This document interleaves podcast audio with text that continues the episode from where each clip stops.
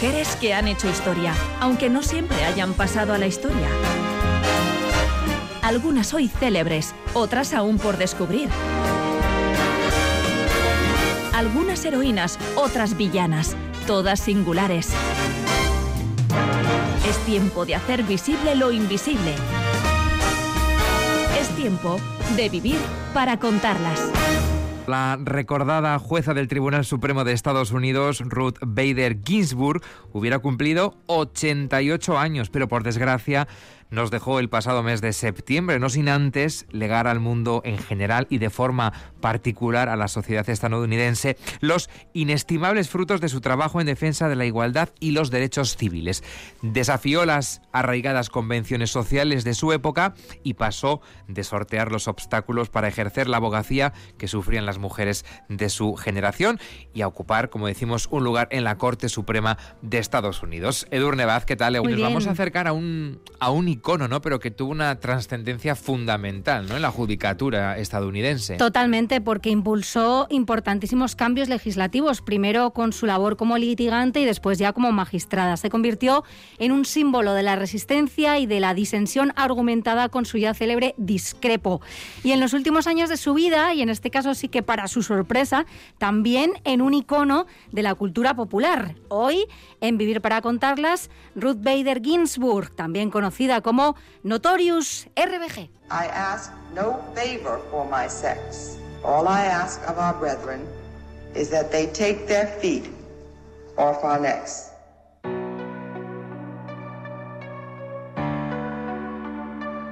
Hablamos de Ruth Joan Bader, a la que por cierto apodaban Kiki. Ella nació en Brooklyn, en Nueva York, lo hace el 15 de marzo de 1933, en el seno de una modesta familia de inmigrantes judíos. ¿Cómo era esa familia? Pues su madre, Celia, fue una estudiante brillante también, que a los 15 años se vio obligada a renunciar a sus estudios y a ponerse a trabajar para que su hermano pudiera asistir a la universidad. Razón por la que Celia alentó siempre el interés de Kiki por el conocimiento, por la lectura, por los estudios, pero por desgracia hay que contar que murió víctima del cáncer solo un día antes de que Ruth se graduara en el instituto. Ella se perdió, de hecho, la ceremonia de graduación también por este motivo. Y tal y como Ruth contaría muchos años después, aquella dolorosa pérdida y la fe que su madre siempre había demostrado tener en ella alimentó pues en Ruth la determinación para vivir una vida con la que Celia solo pudo permitirse soñar, ¿no? Y en la década de los 50, valiéndose de una beca, tomó la decisión de estudiar en la Universidad de Cornell, donde además de los estudios que anhelaba, encontró algo más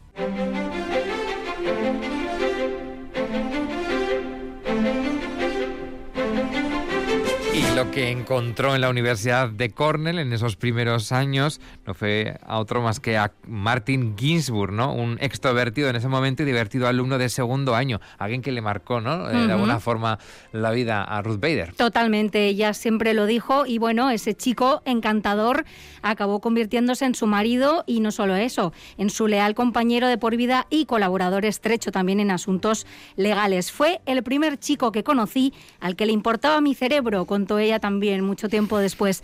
Y es que el suyo no fue en efecto el típico matrimonio de los años 50, fue una unión construida sobre las bases de la igualdad y del respeto mutuo que siempre se tuvieron. Martin, que con los años se convirtió también en un prestigioso abogado fiscalista, siempre admiró y apoyó incondicional y vehementemente el trabajo y el compromiso personal de Ruth.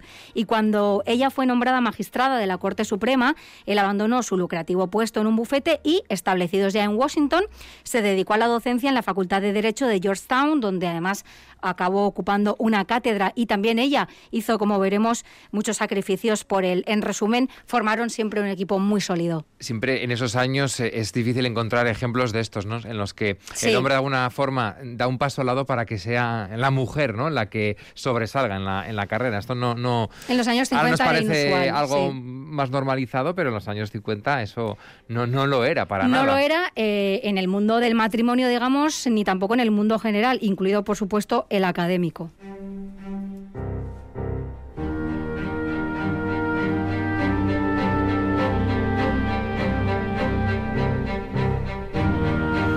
Y en 1956, tras haberse graduado en Cornell, ya casada y con un bebé, se convirtió en una de las nueve mujeres que se inscribieron en la Escuela de Derecho de Harvard en una clase de más de 500 alumnos. Ya vemos que estaba en franca minoría. Eh, mm, se asoma algo la discriminación, ¿no? Sí, era un hecho la discriminación. Ella cuenta que no le dejaban entrar en la biblioteca, no había baños para chicas. Bueno, todo esto ya era bastante revelador, ¿no?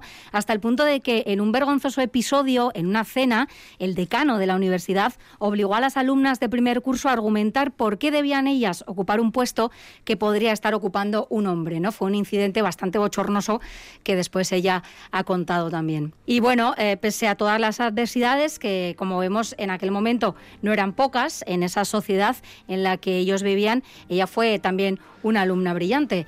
Y la dificultad que tenía para conciliar sus estudios con su recién estrenada maternidad, pues al final eh, se complicó porque surgió un inesperado y durísimo golpe y es que a Martin le diagnosticaron un cáncer testicular. La tasa de supervivencia del cáncer de testículos es del 5%. Gracias por la sinceridad. Creo.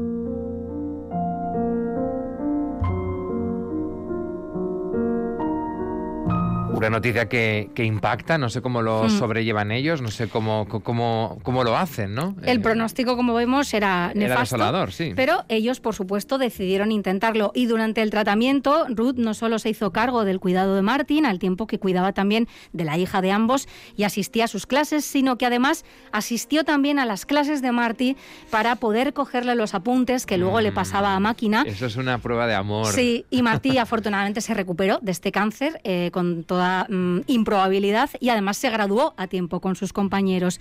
Y siguiendo precisamente a Marty, que había conseguido un trabajo en Nueva York, Ruth se trasladó a la Escuela de Derecho de Columbia para seguir con sus estudios y se convirtió en la primera mujer en trabajar en las revisiones de leyes de Harvard y Columbia. Pero, a pesar de haberse graduado en esas universidades con un expediente brillante, no le resultó sencillo encontrar trabajo porque ningún despacho de abogados de Nueva York parecía dispuesto a contratar a una mujer.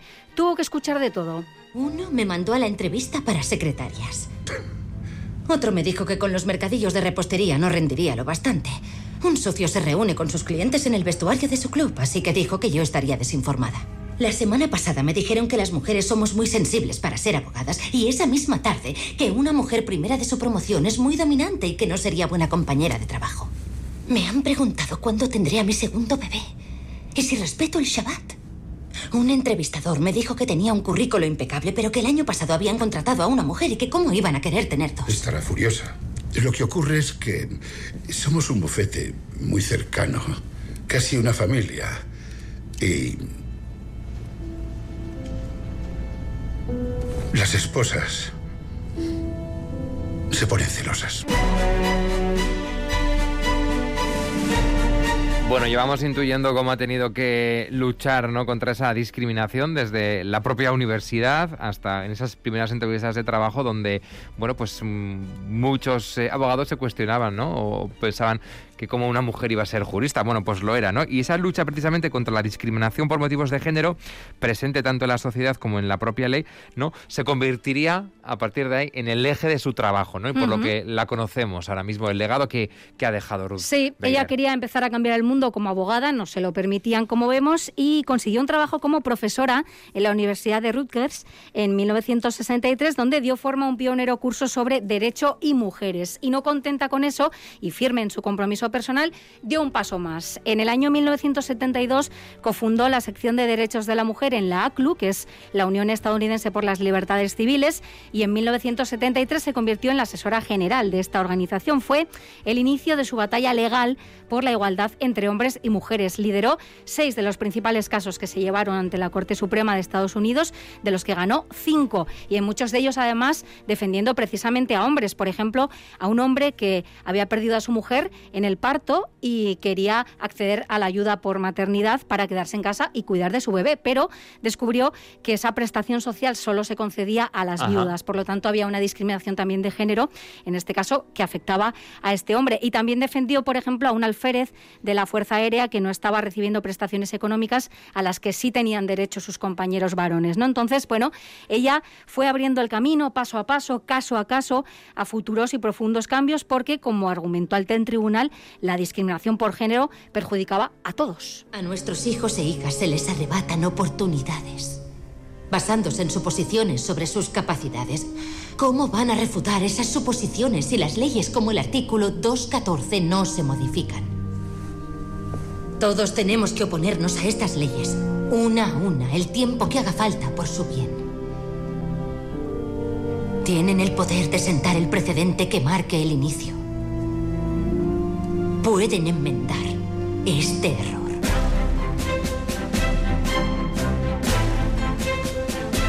Estamos descubriendo a Ruth Bader Ginsburg, una mujer tenaz, con una carrera muy consolidada, pero es que en los 80 con el presidente Jimmy Carter, bueno, pues da un paso más, ¿no? Porque la nombra jueza de la Corte de Apelaciones de Estados Unidos para el Distrito de Columbia. Y ahí, por cierto, estuvo 13 años. Y, entiendo, y, viendo ya este perfil, intensos años. Intensos años donde, bueno, siguió con este trabajo que había iniciado ya como litigante, en este caso ya eh, como jueza, y en el año 93 el presidente Bill Clinton la nominó como jueza del Tribunal Supremo, que era ya el paso definitivo. El Senado confirmó su nombramiento con 96 votos a afirmativos y tres negativos, y ella juró el cargo, por cierto, ante el entonces senador Joe Biden, actual presidente de Estados Unidos.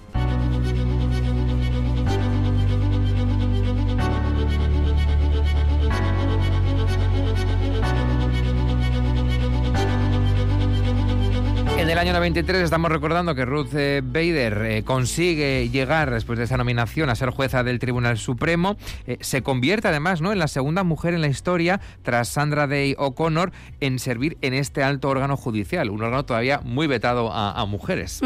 Y durante esos primeros años se ganó reputación de centrista, porque en algunos casos votó también junto a los conservadores y esto sorprendía en alguien que tenía su historial de activismo ¿no? durante sí, que igual se le presumía más, más progresista progresista, ¿no? Pero una característica de Ruth siempre fue la búsqueda del consenso y también su capacidad para entenderse incluso con personas completamente opuestas a ella ideológicamente. Fue el caso del ultraconservador juez Escalía, con el que, para sorpresa de todos, se llevaba las mil maravillas y con el que compartía la afición, por ejemplo, por la ópera, a la que asistieron juntos en más de una ocasión. También les hicieron entrevistas juntos y eran muy divertidos. Se llevaban muy bien contra todo pronóstico, ¿no? Y su primer caso en el Supremo, relacionado con la discriminación por razones de género, fue el que denunciaba la política de admisión de solo hombres en el Instituto Militar de Virginia. Con su alegato consiguió que esta política discriminatoria se anulara por mayoría y se fue convirtiendo en una de las principales voces del ala progresista del Tribunal Supremo. Durante sus años en la Corte votó a favor de la legalización del aborto, en contra de la pena de muerte y a favor de los derechos de los homosexuales. Y a medida que la Corte se iba haciendo más conservadora, con la incorporación de nuevos magistrados nombrados, por ejemplo, por Bush, recordamos que son cargos vitalicios cuando fallece uno hay que incorporar y normalmente los nomina el presidente, ¿no? En esas etapas en las que los conservadores estaban en la Casa Blanca, pues bueno, iban convirtiendo el Supremo en más conservador, se iba escorando, Se iba escorando a la derecha. Ruth también se iba escorando, en su caso, hacia la izquierda, buscando ese equilibrio ideológico. Empezó a hacerse célebre por sus argumentaciones en general y sus notorias disensiones en particular. Acataba, por supuesto, los veredictos emitidos por la Corte, pero no sin manifestar y argumentar adecuadamente su voto particular y discordante con la mayoría conservadora, su hoy ya famoso discrepo, ¿no? que antes decíamos y que ya después vimos en todo tipo de objetos, como luego veremos. Sus admiradores empezaron a ser legión en las redes sociales y una estudiante de Derecho creó un blog dedicado a la jueza Ginsburg, rebautizada ya como Notorious RBG, en un guiño al célebre y malogrado rapero Notorious B.I.G., ¿no? Y, bueno, la Ginsburg manía se desató.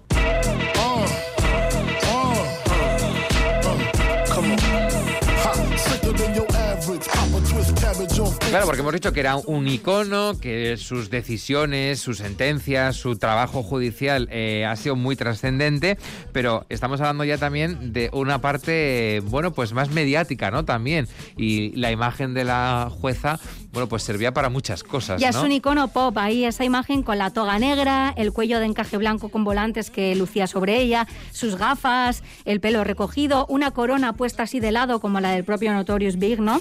Esta imagen que empezó a verse pues en libros, camisetas, tazas, bolsas, pegatinas, tatuajes, hay mucha gente con la cara de la jueza tatuada y en disfraces de Halloween también, ¿no? bueno, pues ya se convirtió en un icono total. Un icono que además ha tenido también, bueno, pues eh, numerosos reportajes y películas ¿no? dedicadas a ella. En 2018 se estrenó eh, la que está basada en su vida, se titula Una cuestión de género y por cierto, algunos de los audios que estamos escuchando en el espacio de hoy pertenecen precisamente ¿no? a, esa, a esa película. También hay un documental titulado eh, con las ya célebres siglas eh, de, ella, ¿no? RBG. Es interesantísimo, os recomiendo el documental muchísimo.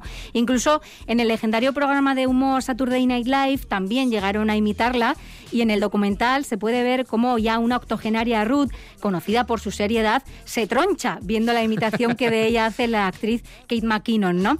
Y las nuevas generaciones conocieron y adoraron a esta longeva y enjuta jueza, a quien esta súbita fama pues sorprendía y también divertía, se convirtió, cuidado, incluso en un icono de moda.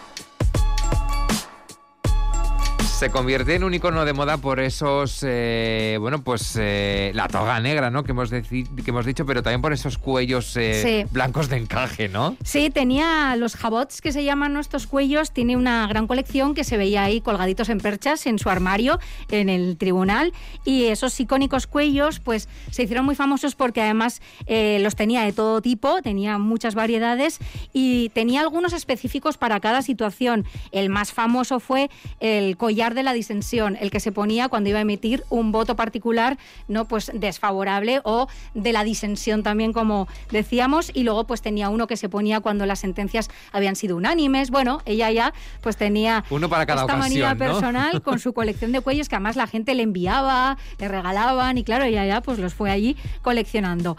Y al final, bueno, Donald Trump hay que decir que fue la única persona que consiguió sacar a Ruth de su habitual sosiego y el destinatario de uno de sus más criticados comentarios.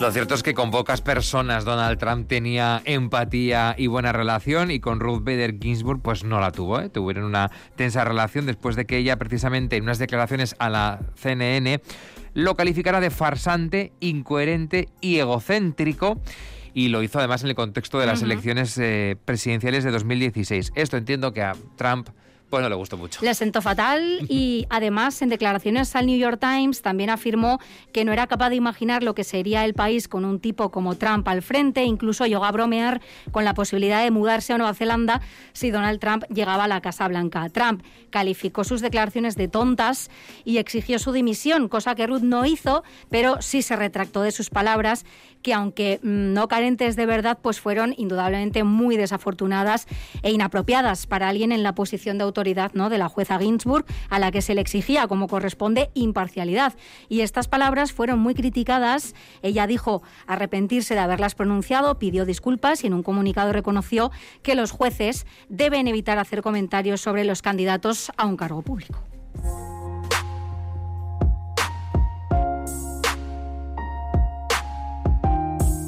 Hemos contado cómo el cáncer eh, marcó eh, la relación entre Ruth Bader y su marido, pero es que la propia Bader logró sobreponerse a dos diagnósticos confirmados de cáncer en su vida.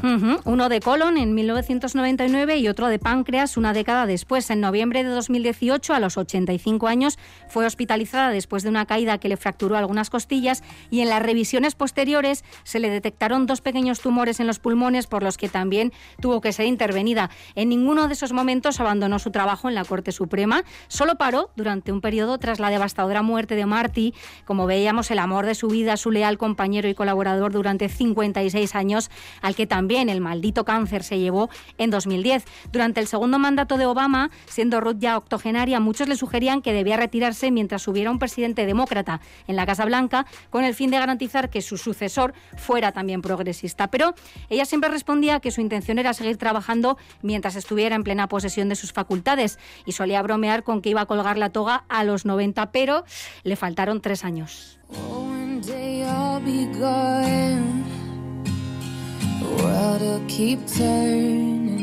Le faltaron tres años porque murió en Washington el 18 de septiembre de 2020 a los 87 y precisamente por complicaciones derivadas de un cáncer de páncreas metastástico.